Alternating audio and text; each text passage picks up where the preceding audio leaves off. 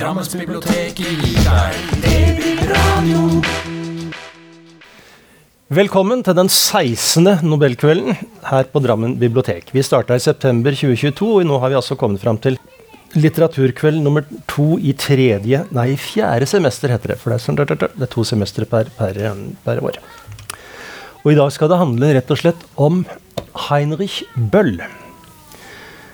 Der gute Mensch aus Köln, det gode mennesket fra Köln, som han blir kalt. Er det Bertolt Brecht, det gode mennesket fra Szechuan? Er det ikke? Ja. Så det er en parafrase på det. Det står eh, 'Jeg skal til Köln i morgen', eh, og da skal jeg gå og se på skal jeg gå og se på de stedene hvor Bøll bodde. Det er tre steder som det går an å gå til i, gangavstand fra der hvor vi bor. Så um, jeg gleder meg veldig. Fordi jeg har faktisk i 64 år gått rundt på jorda uten å ha lest en eneste linje av Heinrich Bøll. Han har alltid vært der som en sånn uh, trygg, god, fin størrelse. En, et veldig anstendig, ordentlig, humanistisk anlagt menneske. Som har snakka ytringsfrihet og menneskeretter og anstendighet osv. osv. Og jeg vet jo at han er, når han, når han har fått nobelprisen, og jeg har snakka med mange mennesker som sier det samme, han er en strålende forfatter. Så var det ikke et øyeblikk uh, i tvil om det. Men jeg har liksom, altså, det er jo sånn her i verden at det finnes så mange gode bøker og så mange gode forfatterskap som en gjerne vil lese. Så jeg har aldri fått rota meg til det før nå. Heinrich Bøll, født 1917 i Köln, død i, Long, um, i Langenbroich, ikke Langerich, det er noe annet ikke det. Langenbroich, litt øst for Köln, i en kommune som heter Kreuzau, i 1985. Han døde vel 17.07.1985, omtrent da Live Aid tror jeg gikk på, på fjernsyn. Og han har jeg som sagt aldri lest, men jeg kjente det da Martin og jeg, arrangementsansvarlig på biblioteket, da vi planla den våren her, så kjente jeg at Heinrich Bøll han må vi ha med nå. Ikke bare fordi han er fra Köln, hvor jeg har tilbrakt store deler av livet mitt de siste 25 åra, men også fordi han er, han, vi er på samme forlag i Köln, Kiepenhorowitz. Og vi har, da jeg kom til Kiepenhorowitz i 2001, så var fremdeles den forlagssjefen som var der da, det var den samme. Han het Reinhold Neven Dumont. Han var også sjef på slutt de siste åra da Bøll var på, på, forlaget. Så det er klart at dette her måtte jeg bare få med meg. Um, Vanligvis på disse kveldene så prøver jeg å begynne med makro og sirkle inn mot liksom, bøkene. I dag skal jeg begynne helt motsatt, for jeg, jeg har brent meg mange ganger på ikke å rekke å lese ting som jeg syns er så flott. Som jeg har gått hjem og, og ligget søvnløs til klokka fire neste morgen fordi jeg ikke har rukket å lese det av, av irritasjon. Men vil, i dag skal jeg i hvert fall sørge for å lese følgende lille Det er tre sider. Dette er en bok som heter Heinrich Bøll. 'Slutten på en tjenestereise og andre fortellinger', eh, som kom på Gyldendal eh, for mange år siden. Eh, I noe som het Gyldendals novelleserie. Utgivelsesår kan dere sjekke på Wikipedia, men jeg syns det er litt pinlig at jeg ikke husker det. Den kom, altså, den kom i, i, i 1967 eh, ut i Norge. Dere som var da jeg snak, hørte det vi snakka om da med, om angående Herman Hesse, dere vil huske at jeg sa noe sånt som at skal du en lakmustest på hva en forfatter er i stand til, det er å forsøke å lese noe som han, hun, hen har skrevet om, eh, om landskap. Altså om noe, noe som ikke hvor det, hvor det ikke skjer noe, egentlig, men hvor likevel hele historiske lag ligger romma. Ligger, ligger lagra. Og Hesse skrev jo om skyer. Altså, Er det noe, noe mindre fortellende enn skyer? Vel, etter å ha lest Hesses uh, betraktninger om skyer, så tror jeg de fleste er enige om at det er faktisk noe av det mest poetiske som finnes. Heinrich Bøll han har skrevet om elva som går gjennom, gjennom Köln, den som heter uh, Rhinen. Det er Rein.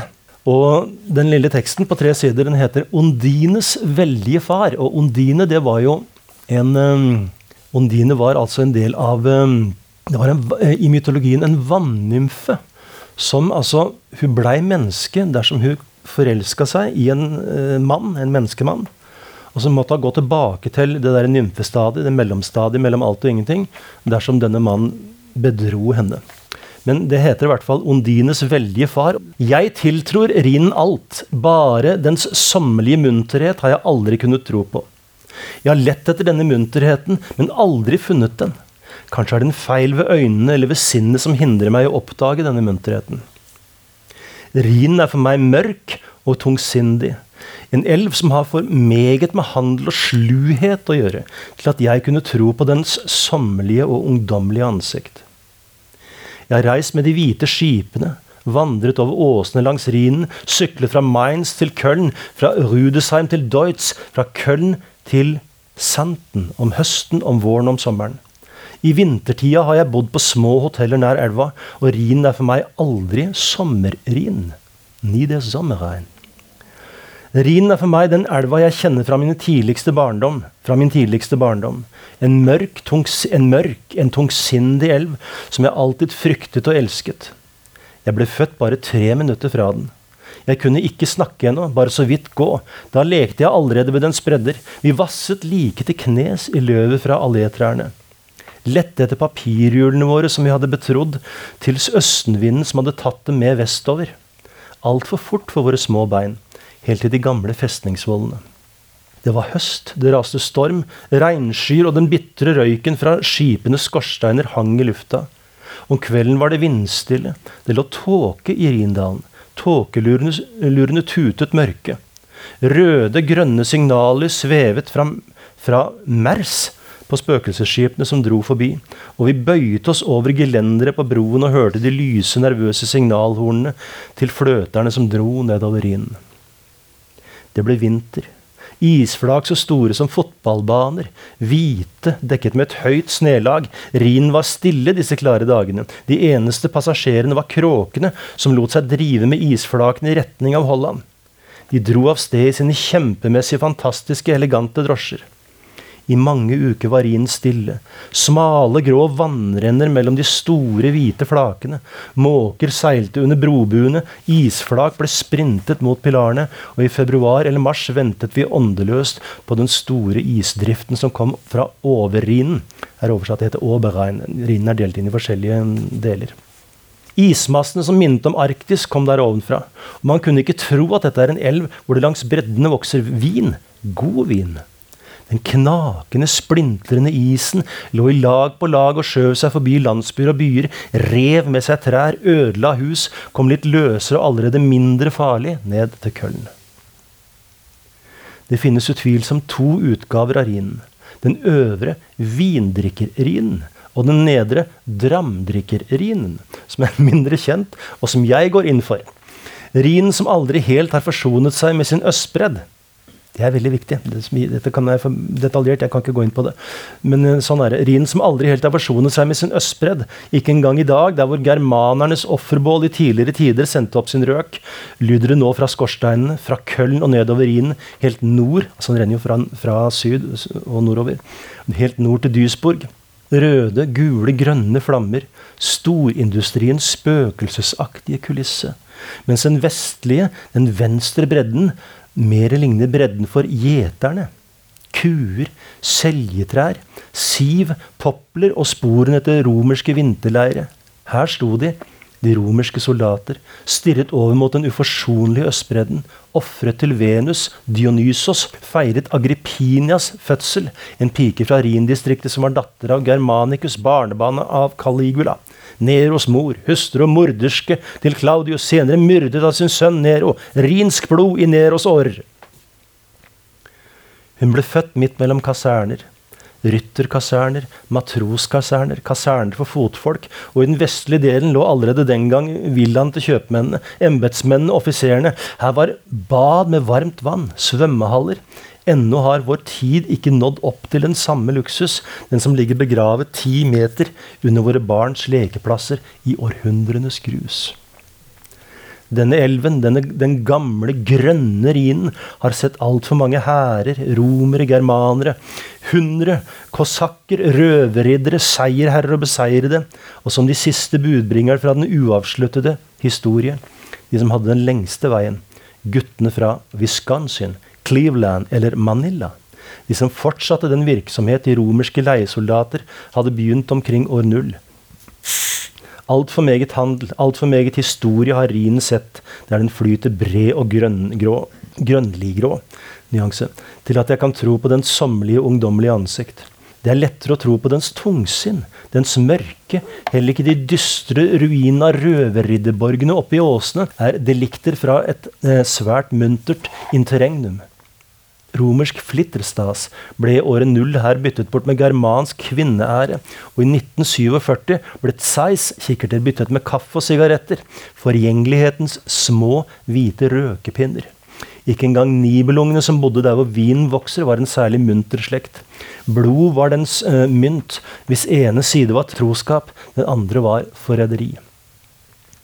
Vindrikkerien slutter omtrent ved bånn, går så over i en slags karantene som, som varer til Køln. Det stemmer, det er ikke vinmarken mellom båndet og Køln. Her begynner dramdrikkerien. Det kan for mange bety at rinen slutter her. Min begynner her.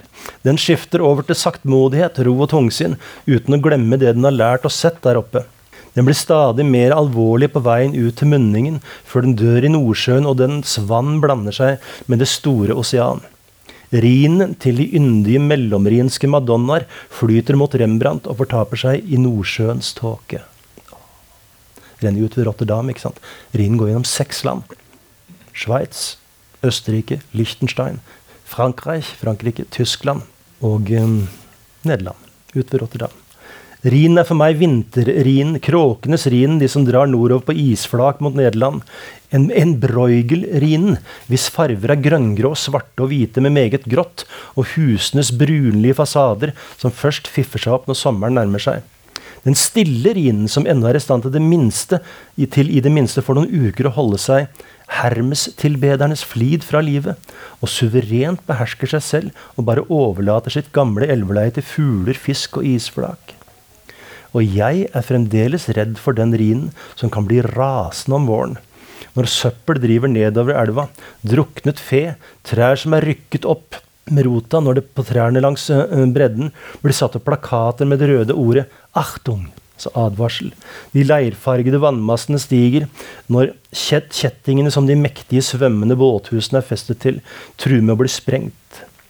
Redd for den rien som mumler så uhyggelig og mildt i barnedrømmene. En mørk gud som vil ha bevist at han fremdeles krever offer. Hedensk natur. Intet som har med yndighet å gjøre. Da blir han bred som havet, trenger inn i husene, stiger grønnaktig opp i kjellerne, spruter opp av rennesteinene, brøler under brobuene. Ondines veldige far. Det er skrevet av en ung mann på 28-29 år. Man hører at det er en forfatter på gang der, gjør man ikke det? ikke sant? Og det, det, ikke sant? det er det å dra noe ut av ingenting. Altså Claudio Magris han skrev jo for 20 år siden en boka som heter 'Donau', som er en bok om, um, om elva Donau. De Donau som det heter. Ja, det heter vel det. Og så, um, nei, men det er litt, også, det er litt sånn sjåvinistisk, for når man har bodd 25 år i en by hvor elva heter er hannkjønn, heter der, så tenker man at alle elver er jo sånn. Men det er akkurat motsatt av hva jeg tenkte. Veldig interessant. Yes! Da har vi vært gjennom Ondines veldige far. Heinrich Bøll. Født 1917. Eh, 21.12. det året. Vokste opp i en eh, liberal, katolsk familie. Faren var møbelsnekker. Og eh, det var mange unger. Faren hadde jo også noen unger fra et tidligere ekteskap. Jeg tror det var åtte til sammen. Ja. Pluss, pluss. Og unge Heinrich, etter abitur, altså etter han var ferdig med artium, gymnaset, så begynte han i bokhandlerlære i Bonn. Men der slutta han etter et knapt år, for det, det følte han det, det, var ikke det han skulle gjøre. Så han begynte heller å studere på universitetet i Köln. Han studerte mm, germanistikk og klassisk filologi. Og eh, hele livet sitt Altså, han er oppvokst i det som heter Kölner Sudstadt, som er en veldig flott bydel ikke langt fra, fra Rhinen, der Rhein. Og han, eh, han har liksom altså alt, I alt hva han skriver, så handler det om Köln og Tyskland, men, men med Köln i fokus gjennom hva skal vi si, fra 2030-tallet og fram til han, da han dør i, i, eh, i 1985. Men Köln er der hele tida. Köln er en by med hva skal vi si, den har litt spesiell form for humor. Jeg kan ta et lite eksempel. Kom, I Köln har vi noe som heter Brauhäuser. altså ein Brauhaus. Det er et, sånt, eh, et, bry, et, bryggeri. De brygde, i hvert fall Tradisjonelt har de brygd sitt eget øl. Brygga sitt eget øl, og de har serverer klassiske uh, kost. ikke sant? F.eks. sauerbraten, som er en, altså da, en sånn steik som marineres i, eddik, i eddik og forskjellige kryddere. Så steikes den, og så serveres den med poteter og brun saus og noen grønnsaker og, og øl ved siden av det. ikke sant? Og hvis, man Tidligere så var dette laget av hest ofte. For hester har jo også et liv etter døden. De, de skal spises. De skal ikke bare brennes. Så hester, når hester dør, så kommer de ikke til himmelen. De havner på restaurantbord. Jeg har i hvert fall gjort det tradisjonelt. Og gjerne det i, eh, i sånne brauhäuser. Og det er en veldig flott uh, liten flott, flott. Den, er, den, er, den, sier litt om den, den, den kølnerske humor. Det kommer en far og en datter inn der og setter seg ned på et barhaus. Det er midt på dagen, ikke sant? de er på bytur. Og faren bestiller sauerbraten.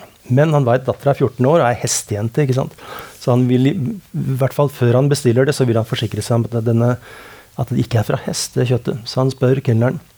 Men ja, jeg, skulle, jeg vil gjerne hatt en sauerprat, men, men, det er um, altså, Dattera mi er litt følsom, eh, men det, det, er fra, det, er ikke, det, er ikke, det fra hest. Det er, det, det er fra storfe. Kelneren skjønner og sier høyt, ikke sant, så dattera hører Nei, det er ingen fare, dette her var bare en liten ponni som hadde mista mora si. Det er Kølners humor. Eller du kommer inn på et sånt sted og så sier du, jeg skal gjerne ha et glass vann. Ja. Vann? Dette er for faen ikke noe ventehall. Det, er, det, er, sånn, altså kelnere er, det er en tradisjon i Köln for at kelnere er liksom eh, spisse mot gjester. Men det, det finner man seg etter hvert når man begynner å, å, å skjønne dynamikken i det forholdet. Heinrich Böll han var seks, tilbrakte seks år i krig. Han, han var soldat i Wehrmacht fra 1939 til 45. Han ble såra eh, ganske dyktig fire ganger. Uh, tyske soldater fikk amfetamin så han var jo amfetaminavhengig da han kom, eh, kom tilbake fra, fra, krigen. Og eh, altså narkoman, rett og slett. Fordi at det, amfetamin er jo noe som speeder deg. ikke sant? Eh, store mengder amfetamin ble produsert i Tyskland og delt ut til, til, til eh, soldatene for at de skulle orke å, å drive med dette. Og Mye av litteraturen til Heinrich Bøll etter de handler jo nettopp om krigen. Det meningsløse i at noen maktmennesker sitter trygt og drikker konjakk og spiser godt på, i store slott og borger og, og, og um, bunkere, mens uh, arbeiderklassens uh, sønner skal ut og krige. Altså, det er fullstendig latterlig. Altså, det hadde jo skjedd allerede. Det var jo ikke mer enn gått mer enn et par tiår siden første verdenskrig, hvor, fra 1914 til, til 18, hvor altså at millioner av unge menn ble drept i skyttergraver. altså Det er fullstendig meningsløst. Og dette er på en måte startskuddet for Heinrich Bøll sin, um, sin karriere som forfatter. Den første romanen hans kom i 1947, vel? 49, 49 og het um, 'Toget var i rute'. På tysk 'Det Zug var punktlich'. Jeg skal lese bare den første lille sida, så dere skjønner litt av stemningen. Det handler om da en soldat som skal tilbake til fronten i Polen. Han har vært skada og blir eh, sendt ut igjen når han er frisk. Da de gikk gjennom den mørke undergangen, hørte de toget rulle inn på stasjonen over dem, og den klangfulle stemmen i høyttaleren sa, sa reint stillferdig. Frontpermisjonstog fra Paris til Premichel over så var de oppe av trappa til perrongen og ble stående utenfor en vogn som soldater på perm kom ut av med glade ansikter og digre pakker. Perrongen ble snart tom. Alt var som ellers. Her og der utenfor kupévinduet så unge piker eller koner eller en ytterst taus og sammenbitt far. Og den klangfulle stemmen sa at man måtte skynde seg. Toget var i rute. Der Zug var punktlig. Hvorfor går du ikke inn? spurte kapellanen soldaten engstelig. Hvorfor det? spurte soldaten forbauset. Jeg kan jo ville kaste meg under hjula. Jeg kan jo desertere, ikke sant? Hva skal en gjøre? Jeg kan, jo, jeg kan jo bli gal. Det har jeg full rett til. Jeg har full rett til å bli gal. Jeg vil ikke dø. Det er, det er det fryktelige. Det at jeg ikke vil dø. Han sa det så kaldt som om ordene var is på leppene hans. Ta det med ro. Jeg går jo inn bare jeg finner et sted hvor det er plass. Ja, ikke vær sint. Be for meg. Han tok sin oppakning og gikk inn av en åpen dør, trakk vinduet ned og bøyde seg ut, idet den klangfulle stemmen svevet over ham som en slimet sky. Avgang. Jeg vil ikke dø, ropte han. Jeg vil ikke dø, men det forferdelige er at jeg kommer til å dø. Snart. Den svarte skikkelsen på denne kalde, grå perrongen ble stadig fjernere, fjernere til stasjonen var forsvunnet i natten. Mangt et ord som blir sagt tilsynelatende likegyldig, får plutselig noe trolsk over seg. Det blir tungt og underlig hastig, skynder seg foran en talende for å rive opp et lukket rom et steds inne i fremtidens usikre område, kommer tilbake mot ham med en, bumerangs forferdende treffsikkerhet. Hør på den, dere, fra en 30 år gammel forfatter. helt i starten av karriera. Fantastisk passasje. Fra tilfeldige prat og uoverveide ord, særlig fra disse forferdelig vanskelige og matte ordene som, kan, som sies i avskjedsrutinene ved tog som kjører til døden. Tog som kjører til døden, ikke sant. Det er ikke de menneskene som skal i døden, det er toget som kjører til døden. Ruller det en blytung bølge tilbake mot den talende, som plutselig lærer å forstå den skremmende og på samme tid berusende makten i alt som er skjebnebestemt elskende og soldater, dødsvidde og slike som er fylt av livets kosmiske makt, får mange ganger helt uventet denne kraften i gave. Det blir gitt dem som en tyngsel i denne plutselige klarheten. Og ordet synker, synker inn i dem. Helt i starten av en forfatterkarriere så leverer han sånne ting. Altså En annen veldig flott bok som vel ikke er oversatt til norsk, tror jeg, den som, den som heter um, 'Hvor var sto Adam', som også handler om, som kom like etterpå. Som også handler om, uh, om den samme om, om den krigen de mest, altså 50-tallet hans var veldig produktivt. De mest, altså skreven, Det var der han liksom, bygde opp liksom, det enorme renommeet som etter hvert resulterte i bestselgerbøker både i Tyskland og rundt omkring i verden, og etter hvert i Nobelprisen i, i 1972. Eh, og det var altså ikke sant, den her. Et Solva Punktlich. Og den andre jeg nevnte, eh, Hvor varst du, Adam? Uh, og i 1953, Den kom i 51, og i 1953 kom det en flott roman som heter Und sagte kein einziges Wort. Og så, i 1954, kommer 'House ohne Huter', altså 'Hus uten herre', eller 'Hus uten hyrde'. Og så, i 1957, kommer et mellomspill, 'Irisches Tagebor'. Heinrich Bøll med familie de dro nemlig på 50-tallet så dro de på ferie til Irland. Ikke sant? I begynnelsen, Kona til Heinrich Bøll, Anne Marie, de fikk tre sønner, eller fikk fire sønner. Første døde mens han var bare spedbarnet. De fikk tre, tre sønner som levde opp. Bl.a. René, som er, i dag er Jeg tror han fortsatt lever. Han er, han er maler. I hvert fall i live sist gang jeg så en dokumentar om, om Bøll. Og da dro de til Irland. Og der de et, fikk de et, et, ordentlig sånn, et fristed. Fordi han hadde jo behov for å og, altså Mange forfattere har behov for liksom litt sånn å skifte omgivelser når de, når de skal skrive. Og der De dro til Irland, på vestkysten av Irland. Og der leide de et hus som de kom tilbake til mange ganger. Og de var der liksom tre-fire måneder om gangen. For Det begynte jo å rulle inn penger ikke sant, fra, fra alle de her um, bøkene. Han var veldig produktiv på 40 og, slutten av 40- og begynnelsen av 50-tallet. Og fikk anerkjennelse, og de kunne ta seg råd til sånne ting. Og det, Irland den gangen var jo også et fattig land. Tenk deg Irland, altså Fra 1841 til 1845 var det vel, så var det jo den forferdelige hungersnøden i Irland. Hørte du om den? Da potetavlingene slo feil. Men så, når man begynner å lese litt, så viser det seg at det er langt mer til det enn at potetavlinger slo feil. For Irland var jo rett og slett en engelsk koloni. Og alle de, all den maten som ble produsert i Irland, mesteparten, den gikk jo til England. Så vi har imperialismen og kolonialismen, den, den, skal ikke ned til Afrika for å, å, å få ta tak i den. Engelskmennene de har veldig mye å, svare for. Og da sulta de her altså flere millioner irer. Som i dag er det sukra med å si at ja, potetene slo feil, gitt. Dessverre. Så i hvert fall Irisches Tagebor. Irland ble en veldig viktig del av Heinrich Bøll og familiens liv. Der de, fikk de venner og, og bekjente osv. Jeg tror egentlig ikke at de, at de var en bitte liten landsby. Jeg tror ikke de skjønte egentlig hvor, hva for en fyr de hadde kapasitet de hadde med å gjøre, før at plutselig en dag i, i, i um, seint på høsten 1972 så står det at i irske aviser at tyske forfatteren Heinrich Bøll har blitt tildelt årets nobelpris i litteratur.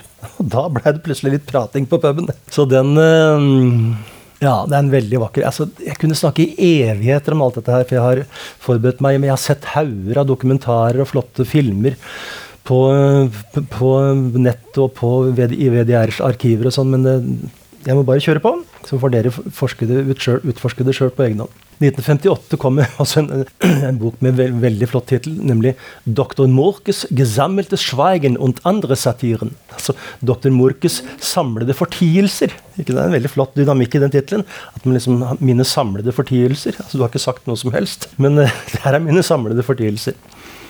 Og så en veldig berømt bok i 1958, 'Biljard om halv sen'. Biljard klokka halv ti. Og uh, kanskje den aller mest uh, kjente og berømte, 'Ansichten eines Clowns' i 1963. En klovns uh, betraktninger, heter den på norsk? ikke?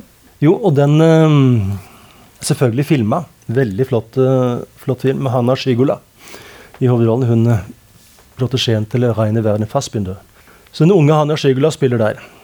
Og så um, har vi en, til slutt 'Enda eine Dienstfart', en, slutten på en tjenestereise, som også er oversatt til norsk, fra 1966.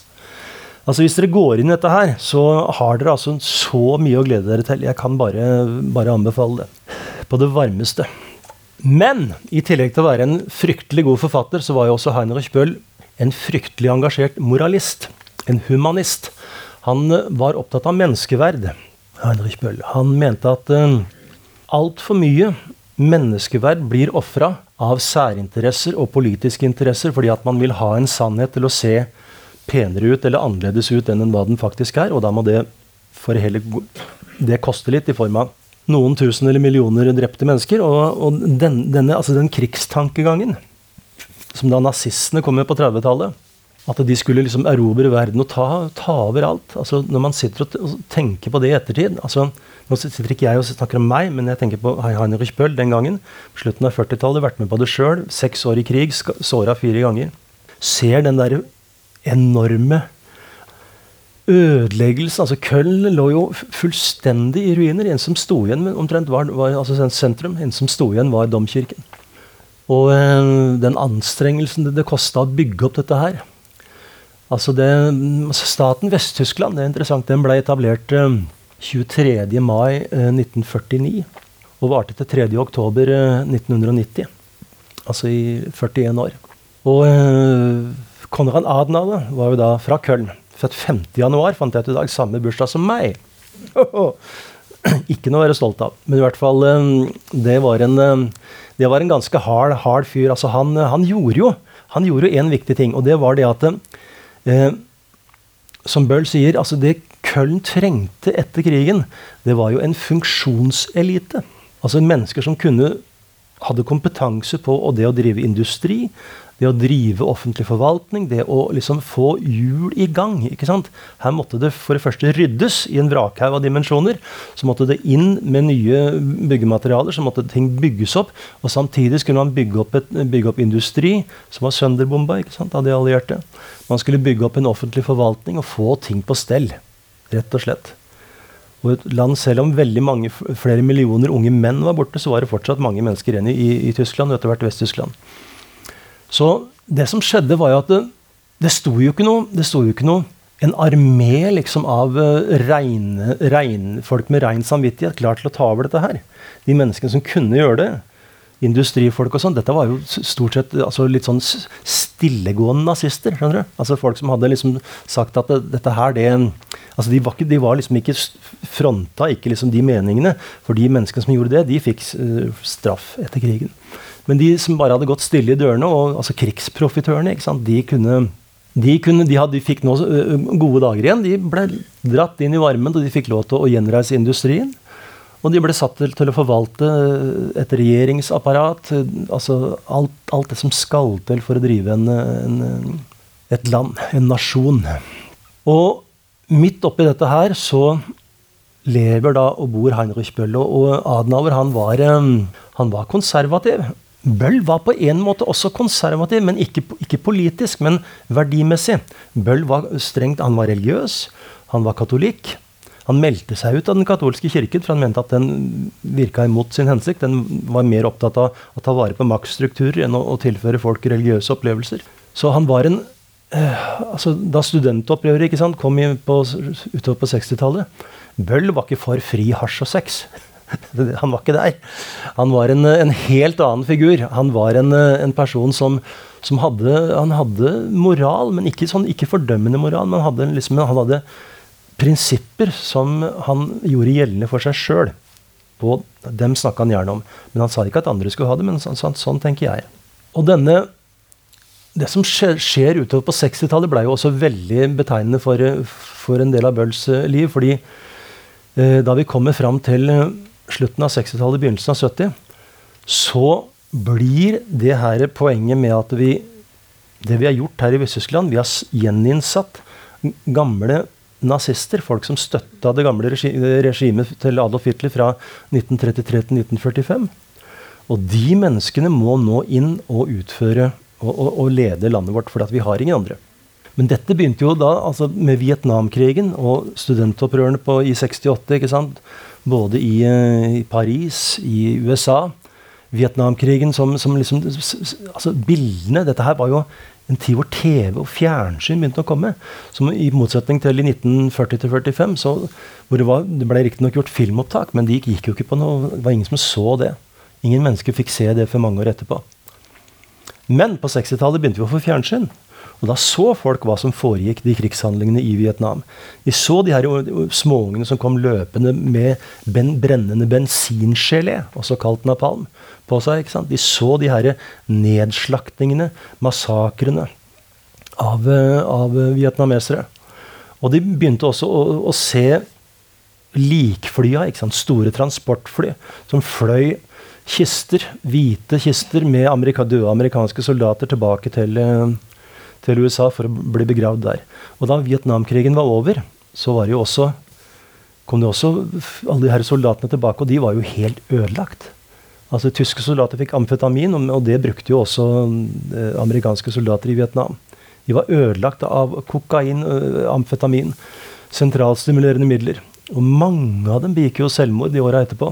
Veldig mange ble, ble rusmisbrukere. Veldig få, altså De fleste var nervevrak. For det, det å være i krig er ikke en menneskelig handling.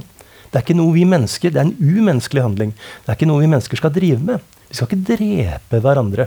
Og dette her, dette her blei veldig påtagelig på 60-tallet, under studentopprøret. Da folk så hva som skjedde i Vietnam. For Vietnam var liksom, det var det verste. Det var, liksom det, det var, ingen, eh, det var selvfølgelig konflikter og, og krig andre steder òg, men Vietnam det var uhyggelig stort. Det blei liksom så, så, tydelig hva som foregikk. Så Grunnen til at USA var der, var jo bare for å demme opp for kommunisme. ikke sant? Og Hvis det er kostnaden for å demme opp for kommunisme, så, ja, så kan man vurdere om det er verdt det. For tapene var enorme på begge sider. In Deutschland, i Tyskland, i Vest-Tyskland, så fikk vi da ha nå noe som het Rote Armé-fraksjonen, RAF, Røde armé-fraksjon, eller Bader-Meinhof-gruppen, som de ofte ble, også ble kalt. Andreas Bader og Ulrikke Meinhof var lederne der. Det var noen få, det var to håndfuller med, med mennesker. Unge mennesker av veldig gode familier, dette var ikke noe arbeiderklassegreier, som kalte seg eh, altså revolusjonære. Og de hadde ingen betenkeligheter med å, å å ta liv. De skøyt folk, de sprengte mennesker, de begikk bankran, de tok gisler. De la ut bomber og satte i det hele tatt alt på huet. Veldig få mennesker. Og selvfølgelig ble mange vesttyskere livredde, med god grunn. Men det som, det som, som Bøls fikk bøll inn i dette her, da, det var jo det at altså, Tyskland har jo en, en avis, en fryktelig avis, som heter Bildzeitung. Og denne avisa den ble grunnlagt av en eh, forlagsmann som het Aksel Springer i 1952. Og Springer, han eh, Springer heter han på tysk. Jeg sier Springer på norsk. Og Springer, han, han var eh, Han så fort det at, det at polarisering det var liksom Det var det som skulle til for oss å selge aviser. Personkonflikter. Feider mellom grupperinger og, og sånne ting. Det solgte aviser som kjenner seg igjen i dag. Ja. Så i hvert fall eh, det er eh, altså Springerpressen blei veldig tidlig en modell for det som vi, i dag kaller kommentarfeltene og nettrollene. De skrev altså de skrev en, eh, en bedreven journalistikk som brukte ord og uttrykk og karakteristikker som var veldig krasse. Og, og hadde altså ingen særlig annen uh, funksjon enn at de var selvfølgelig konservative. De ville gjerne at, at det her regimet skulle bare fortsette. De ville feie under teppet det faktum at mange av de som styrte Vest-Tyskland da rundt 1970, var folk som hadde profitert på, på nazistenes uh, regime. Og det, det, det, det, var liksom en forutsetning. Så hvis det da kom altså radikale mennesker som forsøkte å, eller venstreorienterte, da, sosialister, sosialdemokrater ikke sant? Alt derfra og videre venstre, mot venstre, de, ble, de var ofre for, um, for, for Bildzeitung. Og um, Bøll la seg ut med Bildzeitung fordi han, det han sa Han skrev en, han skrev en kronikk i Der Spiegel på ettervinteren i 1972 hvor han sa som følger, nemlig at istedenfor bare å rope 'lunsj dem, lunsj dem', som Springer og Bildzeitung gjorde om, om, RAF, så må vi forsøke å forstå hvorfor Vi har fått et sånt fenomen i dagens Vest-Tyskland.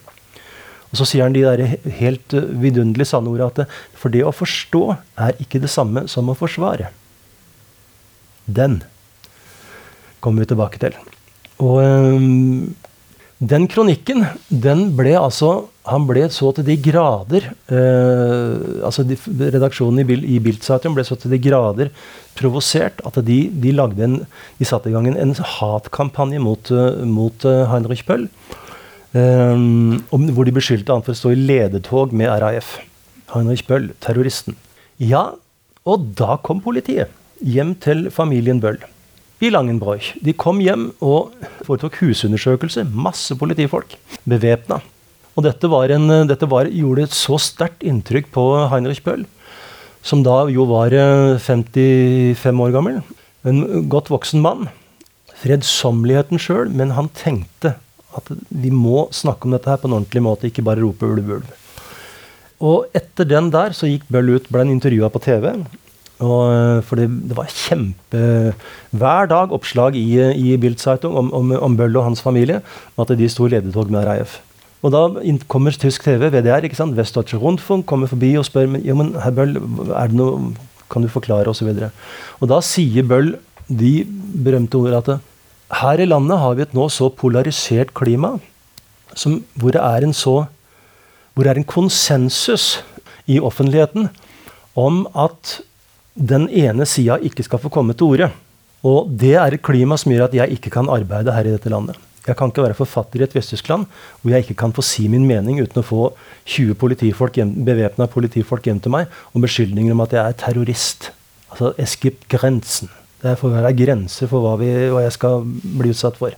Så han var veldig indignert. Jeg tror På den tida så vurderte de kanskje å, også rett og slett å, å dra til Irland, for at de, de orka ikke mer. Samtidig så var dette med Köln. Da. Det var liksom hans by.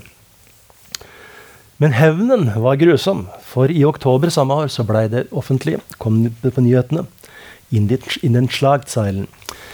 Årets nobelpris i litteratur tildeles den tyske forfatteren Heinrich Böll. Og da er jo Altså, det viser, damer, herrer og alt midt imellom, det viser oss at den nobelprisen den er faktisk en game changer. Den endrer. Den er så viktig. Den har en så tung og høy og stor, stor, storslagen status at den kan endre folks oppfatninger om en mann som var på vei til å bli uttenkt som en samfunnsfiende. Og nå var det ikke måte på hvor mange mennesker som hadde sittet stille i båten, som liksom kom til Bøll og begynte å, si at ja, Bøll er den her Bøll, han er en storslagen forfatter, osv.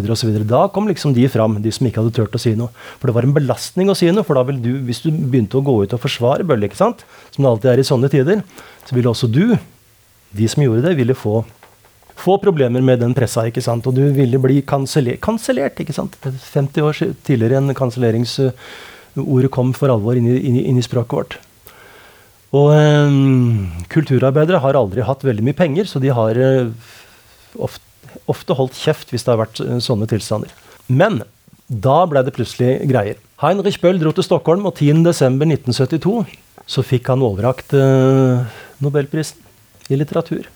Den gangen var det 300 000 Deutsche Mark, som tilsvarte Ja, det tilsvarer, det tilsvarer 1 million euro i dag, som er prisen omregna i, i euro. Og for den summen kan man tillate seg en del.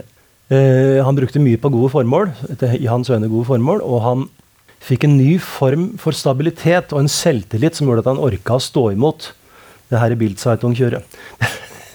Veldig morsom eh, Morsom, det er jo tragisk, men jeg må, jeg må si det mens jeg husker det. Bildzeitung hadde jo Altså I dag i Tyskland så er det bestselgerlister for Sachbücher og, belletristikk, altså sakprosa og skjønnlitteratur. Det, og det er det Spiegel, det er det Spiegel-lista som liksom teller. Men den gangen så var det Bild Zeitung. De hadde jo en sånn eh, liste ikke sant, over uh, bestselgere. Og da Bøll fikk sin første bestselger, det var med en av de bøkene Jeg lurer på om det var, uh, om det var uh, 'Ansikten eines Clowns' i 1963. Så da toppa den listen. ikke sant? Og istedenfor å trykke det, så fjerna Bild Zeitung hele den den ukentlige spalten. ikke sant? De tok vekk den ukentlige oversikten over bestselgende bøker i Vest-Tyskland. Det er ganske friskt. Da mener du alvor. Flott! Vekk med det! Vekk med det! Han der skal vi ikke ha inn. Eh, og satte, setter seg da, ikke sant, året etter nobelprisen ned, og skriver den boka her. 'De forlorne er de Katarina Blom'. Katarina Bloms tapte ære. Det er en, eh, en granat av ei bok som uh, handler om Bildzeitung, egentlig. Det handler om jeg, jeg, tror ikke jeg skal lese noe fra at vi ser at tida vår går. Men, uh, men den uh, er også filma. Dere kan se filmen. Den ligger på, på nettet. av Folke Schløndorf og Mar Margareta von, von Trotta. Folke Schløndorf, fantastisk, han som, han som regisserte 'Blikktrommen'.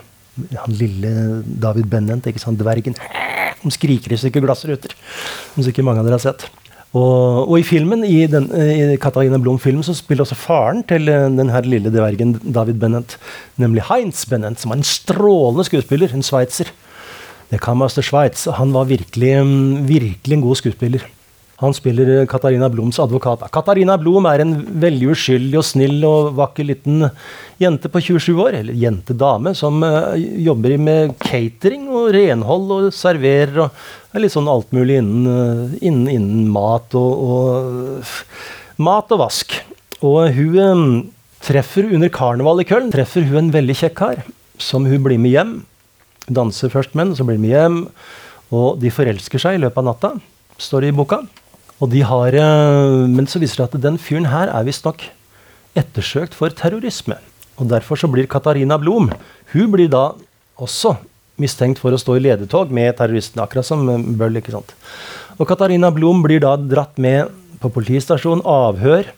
Og det som, jeg skal si én ting, og det er at det er jævlig vanskelig å skrive god politisk litteratur. For det, du, Når en forfatter veit nøyaktig hvor han, hun, hen skal, så er det faktisk en hemsko.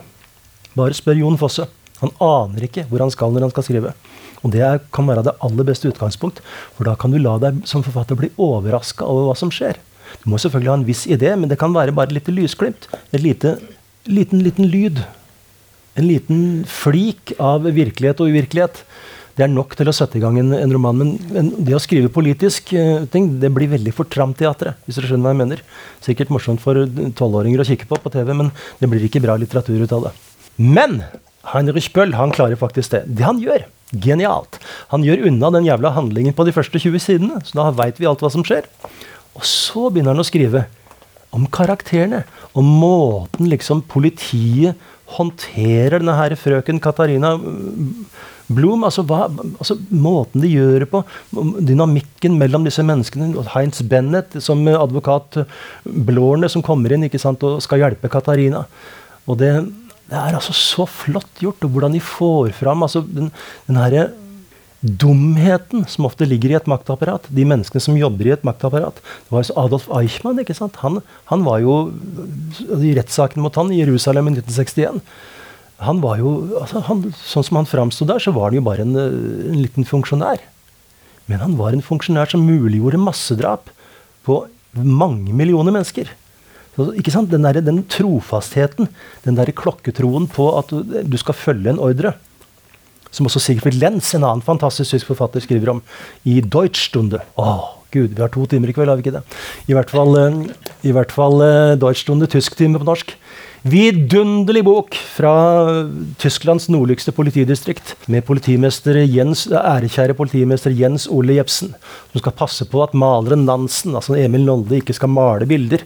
For han maler entert etter kunst. Altså kunst som er utartet, og det skal vi ikke ha i det, i det, i det tredje riket. Yes, skal jeg slutte å prate om det? Og så skal vi tilbake til denne her. Men det er liksom den derre der den menneskelige egenskapen at vi på en måte skal følge ordre. Og det er den han kler av her inne her. Som sin venn uh, Sigfrid Lenz, de var jo gode busser. ikke sant? De var begge med i noe som het Gruppe 47, som var startet av en forfatter som het Hans Werner Richter i 1947. Hvor at forfattere kom sammen to ganger i året i en villa nede i Bayern. Så leste de for hverandre manuskriptene sine og utveksla. Begynte som litteraturklubb. Gikk fullstendig ad undas i 1968-69, da studentopprøret kom, og de begynte å, å, å bli å få, altså, Det ble politisk uenighet innad. Jeg har vært med på tre sånne arrangementer i Gruppe 47 i Greifswald. Det hadde sånn en, Ja, i hvert fall. Eh, veldig, veldig interessant. Veldig dialogorientert prosess. Og eh, ja eh, Det viser liksom hvor, hvor tarvelig Det var ordet jeg leita etter. Det viser hvor tarvelig hvor latterlig, hvor smålig sånne tjenestemenn kan oppføre seg når de tror at de gjør det riktige. De tenker ikke sjøl. De tenker ikke sjøl. Da kommer vi også inn på den, den, fantastiske jødiske filosofen Hannah Arendt, som jo skrev masse flotte bøker om, om det å, hvordan mennesker liksom kan, kan, bevare en autentisk moral, akkurat som, som Bøll. Og hun, hun, sier det også det at det, det verste et menneske kan gjøre, er å ja, husker jeg ikke helt hva hun sier, men dette, dette kommer jeg på mens jeg, jeg, kan tenke mens jeg snakker. Og så, um, i hvert fall uh, den, slutten av boka så dreper Katarina Blom journalisten fra Bildzeitung. fordi at, det, som det står i, i um, innledningen her Personer og handling i denne fortellingen er fritt oppdiktet. Skulle likevel i skildringen av visse journalistiske metoder ha sneket seg inn likheter med Bildzeitungs metoder, så er disse likheter verken tilsiktede eller tilfeldige, men uunngåelige. Og det er en vemmelig journalist ikke sant, inni her fra Bildzeitung som skriver bare fantaserer, finner på ting. De tar bilder av Katarina Blom. De finner på at hun har liksom har en de, han, Journalisten går inn på, på et sånt uh, et, et, en, en, intensivavdeling hvor moren til Katarina Blom, Blom ligger dødssyk sant, med, i kreft. Og tar bilder og liksom spør Ja, fra Blom, hvordan er det nå egentlig å ha en sånn datter? Og hvorpå hun bare svarer ørska, ørska ikke sant? så bruker den journalisten og det kommer på forsida av Bildzeitung. Og Katarina blir jo rasende. Hun blir opprørt, for liksom, hun har levd et stille liv, beskytta liv, med sin lille jobb og, og, sånne ting. Hun skjønner ikke hva som skjer. Og hun blir etter hvert så gira og så fortvila over dette her at hun til slutt uh, dreper den journalisten. Da har hun begått en straff. Men den tar hun gladelig. Så i hvert fall, uh, det, det er ei bok som er, uh, som er virkelig, virkelig flott å lese. fordi at den den, den, er politisk, men det er ikke politisk litteratur. Altså, det er ikke den derre platte greia hvor at alt, eh, alt, peker mot et sånt et svar til slutt. Pe ja, det må jeg også si. Penn var, nei, Bøll var eh, han var først president i tysk Penn. Altså Penn, in, er jo eh, Penn International er den organisasjonen som, eh, i verden som, eh, som virkelig skal tar, sørge for å ta vare på, på ytringsfrihet. Og han var da fra 1971 til 73, ikke sant, med akkurat da det storma som verst, så var faktisk Heinrich Böll president i, i Penn International. Og da klikka det jo for en del konservative tyske politikere som sa at du kan jo ikke ha en, en terrorist som sitter og leder den der. der. Den organisasjonen. Og, um, så det var en altså, Bøll kan tenke deg, Bøll vokste opp med nazismen. Konsensus, sånn er det. De som faller utenfor, dem tar vi, enten skyter vi eller vi internerer dem. Så kom neste periode med konsensus, rundt 1970, hvor altså terrorismen altså den skulle vekk, fordi at den, den, den, det var en venstreradikal greie som ødela samfunnet vårt. Bøll sier at nei, det er, ikke, det er ikke så enkelt. Men så kom vi til 2024. Hva skjer nå? Jo, i Tyskland har vi noe, noe som heter Heinrich Bøll Stiftung. Som er en veldig, veldig velmenende og god eh, greie. Som har, bruker midler fra etter Heinrich Bølls testamente for å, å arrangere Altså, de setter opp, setter opp sammenhenger uh, hvor, hvor at, at, dette her med menneskeverd og humanisme kan diskuteres. Men så leser jeg uh, rett før jul at, at noe som heter, det som heter Hanna Arendt um, Hanna, hva heter den? Hanna Arendt du, du, du, Hanna Arendt Preis für politisches Denken. Hanna Arendt-prisen for politisk tenkning. Den skulle vært delt ut. altså Det er eh, Heinrich Böll Stiftung i samarbeid med Stadt Bremen, altså bystyret i Bremen, som deler ut denne prisen. Den skulle deles ut til en russisk-amerikansk journalistforfatter som het, heter Masha Gessen. Men den, da ble det bråk. Fordi Masha Gessen skrev da noen dager før i New York Times en artikkel hvor hun fordømte eh, Israels angrep på, på, eh, på Gaza og sammenligna det med Tysklands behandling av, av jødiske gettoer altså før annen verdenskrig. Det reagerte, reagerte, folk på. Fordi i Tyskland i dag så er det forbudt å snakke på den måten. Du kan, du kan gjøre det, men da blir du kansellert. Du kan i dagens Tyskland faktisk ikke eh, Du får ikke lov til å arrangere demonstrasjoner mot Israel. Du får i dagens Tyskland ikke lov til å, å bruke eh, offentlig palestinske flagg. Du får i dagens Tyskland ikke lov til å, å, å gjøre ting som, som, i andre land er helt selvsagt. Og det reagerer folk på. ikke sant? Marsha Gessen sier da at det, det, som nå skjer, det er helt forferdelig. Og da sier vel, vel, bystyret i Bremen og Heinrich Bøll Stiftung, humanismens uh, fanebærer, at nei, den prisen, den uh, Greit, du har blitt tildelt den, men, men, vi vil ikke være med på utdelinga. Så istedenfor den store rådhussalen i Bremen, så blir Marsha Gessen henvist til et lite sånt en liten kaffebar i et hjørne og får da den prisen. Så det er veldig, veldig veldig vanskelig. Så dagens Tyskland er like polarisert som den gangen på 70-tallet. På den måten at det, det, er bare den ene sidas uh, meninger som får lov til å komme fram. De, den, folk som mener noe annet, de, de er nødt til å, å, å, tie stille. Og da tenker jeg, hva ville Heinrich Bøll ha sagt til det her? At Hanne Arendt-prisen ikke altså blir så, altså Folk får ikke den, den prisen på, på, en ordentlig måte. Fordi at de, de, har, de sier regjeringen, det offisielle Tyskland, midt imot. Og jeg kan, jeg kan, forsikre dere det at jo høyere opp man kommer i Tyskland, i, i, um, altså i, blant velutdannede mennesker, så er dette her det, det gjeldende synet. Man slipper, man slipper, ikke den andre sida til. Og hva i all verden skal man da med et demokrati? Da har man ikke et ordentlig demokrati. Da Da har man et deltidsdemokrati som slår inn fordi at når, når det passer sånn. Og jeg skal garantere det, at både Hanna Arendt, fantastisk tenker, øh, og Heinrich Bøll ville ha reagert massivt på det som skjer her. Det som skjer, altså Hanna Arendt skrev jo den gangen da, da staten Israel ble oppretta. Som jøde skrev Arendt at det, dette her det har alle forutsetninger for å gå virkelig gærent i mange mange tiår framover. Så her må, her må, man være veldig veldig forsiktig og, og behandle eh, folk som bor der nå, hvor at det skal masse jøder inn, det må vi behandle med største respekt. Det skjedde ikke, og der er vi i dag. Hanna, hvis dersom Hanna Arendt, eh, den, de tekstene, Hanna Arendt skrev det sammen med Albert Einstein, som også var jøde. Og de, Hvis de tekstene hadde blitt skrevet i dag, så hadde, ikke, hadde Hanna Arendt i hvert fall ikke fått sin egen pris. Det er litt tankevekkende. Man kan mene akkurat hva man vil om det der. Jeg forsøker bare å for fortelle hvordan situasjonen er i Tyskland. Men Hanna Arendt hadde i dag ikke fått Hanna Arendt-prisen. Garantert. For det er ikke plass til den type refleksjon i dagens Tyskland. Tyskland er et konsensusland. Et deltidsdemokrati med konsensusfaktorer som er så høy at man, man kan ikke forestille seg det. Og det og, men tyskerne vil jo si det, det motsatte. De sier at ja, men dere skjønner ikke vi, hvordan vi tenker. Nei, greit det at vi ikke skjønner det, men da må vi få lov til å diskutere det. Vi må sette oss ned og prate om det. Hvis avstanden er så stor, så er den eneste måten å komme videre på at vi faktisk snakker om det. Men hvis den ene parten ikke får lov til å bli hørt, så kan vi aldri snakke om det. Det er det som er den store tragedien. For måten Tyskland håndterer dette her på nå, det skaper jo bare mer og ny antisemittisme. I Tyskland i dag så blir en person som, som står på den sida hvor man mener at man skal ha, la eh, Palestina få komme til orde, de blir enten eh, karakterisert som naive eller antisemitter. Jeg skal love dere at jeg, jeg, jeg, jeg, tror ikke at jeg er naiv, og jeg er i hvert fall ikke antisemitt.